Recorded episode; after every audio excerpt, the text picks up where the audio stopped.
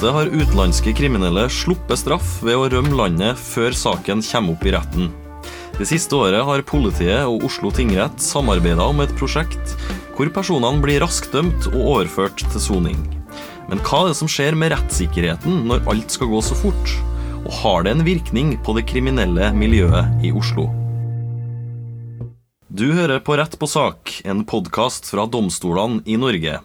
Jeg heter Rune Eian. Anne Margrethe Lund, du er dommer og avdelingsleder i Oslo tingrett. Du var en av initiativtakerne til å få i gang hurtigsporet for straffesaker. Hvorfor ville dere gå i gang med dette prosjektet? Vi så at personer som ikke har en tilknytning til Norge, enten eh, ikke fikk gjort, opp for seg fordi de rømte landet eller stakk av før saken deres kom for retten, eller de ble varetektsfengslet for ikke så veldig alvorlig lovbrudd, og så blir de sittende veldig lenge i varetekt inntil saken deres kom opp. Og det at folk sitter i varetekt, er uheldig, fordi at da sitter man og soner straffen sin før man faktisk er funnet skyldig. Hvor lenge, de, hvor lenge måtte de vente før saken deres kom opp? Det kunne variere, men det kunne ta mange måneder i saker som i utgangspunktet var oppklart idet de ble tatt. Og det var jo et viktig poeng når vi satte i gang dette prosjektet, at vi så at de ofte ble tatt på fersk gjerning med å omsette narkotika, brudd på innreiseforbudet eller lignende ting, og så havnet de likevel i varetekt. Eller greide likevel å unndra seg eh, å få saken avgjort eh, i domstolen. Og det sender et veldig uheldig signal ut i samfunnet. Eh, men nå har jo ikke holdt på sånn cirka i ett år med dette prosjektet. Hvordan er resultatene av, av det her? Vi er veldig fornøyd. Vi har avgjort et betydelig antall saker i eh, dette hurtigsporet. Eh, og de kommer raskt opp. Vi ser at gjennomsnittlig saksbehandlingstid fra de blir tatt av politiet til saken deres er avgjort i Oslo tingrett, er nå 18 dager. Ja, Det er jo en betydelig forskjell. Hva du tenker er de store gevinstene med å få behandla saker såpass mye fortere? Ja, Det ene er at at vi slipper å ha folk sittende i varetekt eh, for mindre alvorlig lovbrudd. Vi får også behandlet det fordi det ikke var naturlig å varetektsfengsle tidligere. Og I tillegg så kommer det jo at eh, vitner husker bedre. Eh, og at det sender også et signal ut i miljøet om at her får man en rask Eh, men forsvarlig reaksjon på lovbrudd. Eh, så er det jo selvfølgelig, Når det her går så fort, så er det jo selvfølgelig et spørsmål som dukker opp. Hvordan skal man ivareta rettssikkerheten når det er så kort behandlingstid? Ja, For det første så er det viktig at disse sakene er enkle saker med et klart bevisbilde. Så er det slik at vi sørger for at de har advokatbistand. Når de blir pågrepet, så er det en liste med forsvarere, faste forsvarere og andre som vil bli tilkalt og som vil bistå dem under avhør, i et fengslingsmøte, også under hovedforhandling. Og Vi har vært opptatt av å ha en god dialog med Advokatforeningen og forsvarergruppen for å sikre oss at disse rutinene fungerer. Har du noen eksempler på hva slags type saker man kan behandle i det her hurtigsporet? Det viktigste er at eh, de i utgangspunktet er oppklart, har et enkelt bevisbilde. Det vi jo ser da, det har vært mye av, det er brudd på narkotikalovgivningen. Typisk oppbevaring og omsetning av mindre doser narkotika. Brudd på innreiseforbudet eh, og en del vinningskriminalitet. Hmm. Hvordan har forsvarerne reagert på denne ordninga?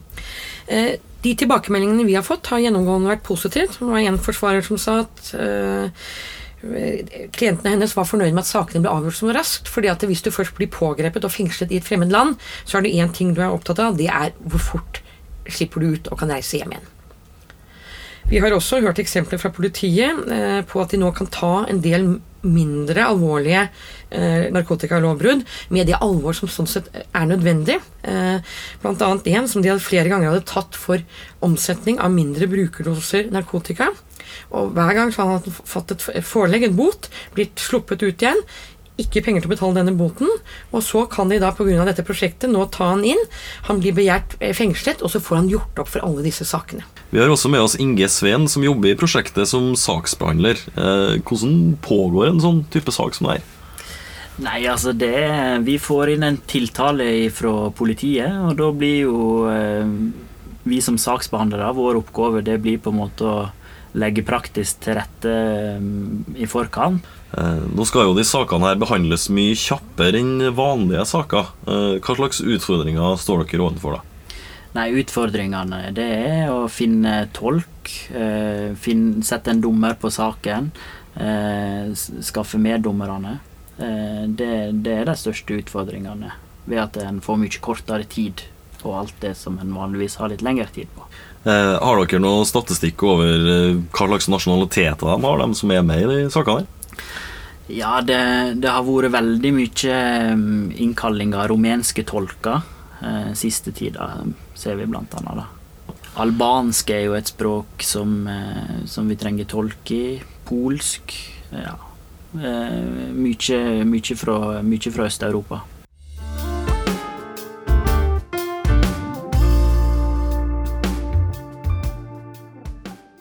Marius Didriksson, du er leder for forsvarergruppa i Advokatforeninga. Eh, hva syns du om denne hurtigbehandlinga?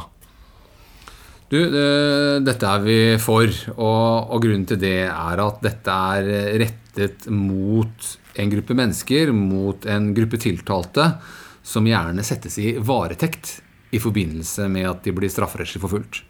Eh, det kan være en eh, utlending, en polakk f.eks., som tas under et boliginnbrudd, eller hva det måtte være. Eh, når han tas, så blir han som regel satt i varetekt fordi han er utlending. Hadde det vært en norsk borger som har blitt arrestert, så hadde man tatt ham inn og avhørt ham, men så latt han gå igjen. Og så hadde man kalt inn til en rettssak to måneder, kanskje seks måneder, kanskje ett år etterpå. Og han hadde møtt opp fordi han bor i Norge. Men fordi denne personen er utlending, så kan vi ikke stole på at han møter. slik at i disse sakene så blir de som regel satt i varetekt. Og det betyr at de blir satt i fengsel uten etter dom. Og det er det mange som sliter med å forstå. Hvorfor sitter jeg her i fengsel nå? Hvorfor sitter jeg her i Oslo fengsel? Jeg er jo ikke domfelt for noe som helst. Faktisk så mener jeg at jeg er uskyldig. Nå er det ikke alltid de er det, selv om de mener det. Men de etterlyser altså en dom som forklarer hvorfor de sitter i fengsel. Så så eh, vi er for alle tiltak som får ned varetektstiden. Og Hurtigdomstolsprosjektet er et typisk slikt tiltak. Vi har etterspurt tiltak som dette, og vi mener at det er fullt gjennomførbart. Så vi imøteser tiltaket fordi det er innenfor gjeldende lovverk. Eh, man har rett og slett bare litt sånn laserstråleeffekt samlet en del ressurser og alle aktører går sammen for å gjøre ting de vanligvis ellers gjør. Bare gjøre det litt raskere, uten liggetid. Og Det betyr at eh, en polakk sånn som her, da, han arresteres, avhøres, og kanskje to uker senere, kanskje tre uker senere, så møter han en dommer eh, hvor han får dommen sin, som forklarer hvor lenge han skal være i varetekt. Det er bra for han, og det er bra for systemet. Eh, og det er bra for hensynet til Grunnloven, som sier jo at helst ingen skal sitte i fengsel med mindre de er domfelt. Nå er det mange i Norge som sitter i varetekt uten å være domfelt. Det blir stadig flere og flere. Sist undersøkelse viste at det var nesten en tredjedel av soningsdøgnene ble, ut, øh, ble, gjennomført i varetekt. Og det er klart, dette stiger, og dette kan bli et problem. Hvis vi kommer opp i halvparten, eksempel, kanskje over halvparten sones i varetekt, da er man nok på kant med Grunnloven om at ingen skal i fengsel uten etter dom. Men vi er ikke der ennå. Så, øh, men dette er tiltak som får ned varetektstiden. Det er vi for. Eh, hvordan har dine klienter reagert eh, på denne behandlinga? Ja, dette er noe de, de, er gjennomgående en tilhenger av. Eh, fordi de som sagt får ned tiden de sitter i varetekt. Jeg tror jeg må understreke med en gang at det får ikke ned straffen de får. Altså Samlet sett skal de kanskje antakelig sitte like lenge i fengsel, men de sitter mindre i varetekt men da lenger på dom. Samlet sett blir det kanskje det samme. I det gamle systemet, før man hadde hurtigdomstolprosjektet, så, satt man, så fikk man kanskje for et sånt boliginnbrudd ja, hva vet jeg hva man fikk, kanskje seks måneder, åtte måneder, hva vet jeg, noe langs de baner.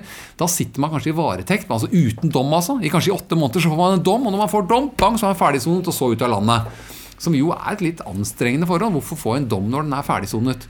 Så dette er et bra prosjekt som vi, vi imøteser og, og, og, applauderer. Kanskje noen på en måte har noen reservasjoner i forhold til det her at uh, når behandlingstida går så fort, blir det da forsvarlig behandling? Uh, hvordan ser du på det som er forsvarer for dem som ofte er tiltalt? Ja, Svaret på det er ja, og det er derfor aktørene må ha en dialog. og eh, Man må være åpne for innspill fra hverandre, og det, slik er systemet også rigget. og det skal være de enkle sakene, de som lar seg iretteføre enkelt med et greit bevisbilde som skal falle inn under denne kategorien. De som plukkes ut til å være i hurtigdomstolsprosjektet, de, eh, de, de får man med en gang vite hvem er, og så må man raskt ta stilling til saken om dette er egnet for det. Og Hvis det ikke er det, hvis det ikke er det, så må man si fra, og så går saken ut av hurtigdomstolsprosjektet. Så det er de sakene som er egnet til. Det er mange saker som er kompliserte, vanskelig bevisbilde. De går ut av hurtigdomstolsprosjektet og blir ikke en del av det. Så dette fungerer bra. Og, og jeg må si eh, igjen at det kommer med jevne mellomrom eh, forslag fra politisk hold om å endre eh, straffeprosesslov og retningslinjer og mer sånn grunnleggende rettssikkerhetsprinsipper. Og de er gjerne på bekostning av den siktede av hensyn til effektivitet. Ting må gjøres raskere, ting må gjøres billigere forståelse for det, men vårt anliggende har vært at disse hensyn, altså at ting kan gjøres raskere, billigere, kan skje innenfor dagens lovverk uten å gå på bekostning av den siktedes rettssikkerhet. Og dette syns vi er et godt eksempel på en slik eh, vridning av, av på, Dette lar seg gjennomføre, mener vi, og dette er et godt eksempel på det. Vi avslutter med kvinnen bak hurtigsporet. Vil denne ordninga kunne brukes i andre byer enn Oslo? Nå eh, ser vi for oss at vi skal prøve eller gjennomføre prosjektet litt, litt lengre tid i Oslo før man tar stilling til å eh, utvide til de andre delene av landet. Eh, det er klart at eh, det må være en domstol eh, av en viss størrelse for at man skal få en effektiv utnyttelse av ressursene. Du har hørt På rett på sak, en podkast av domstolene i Norge.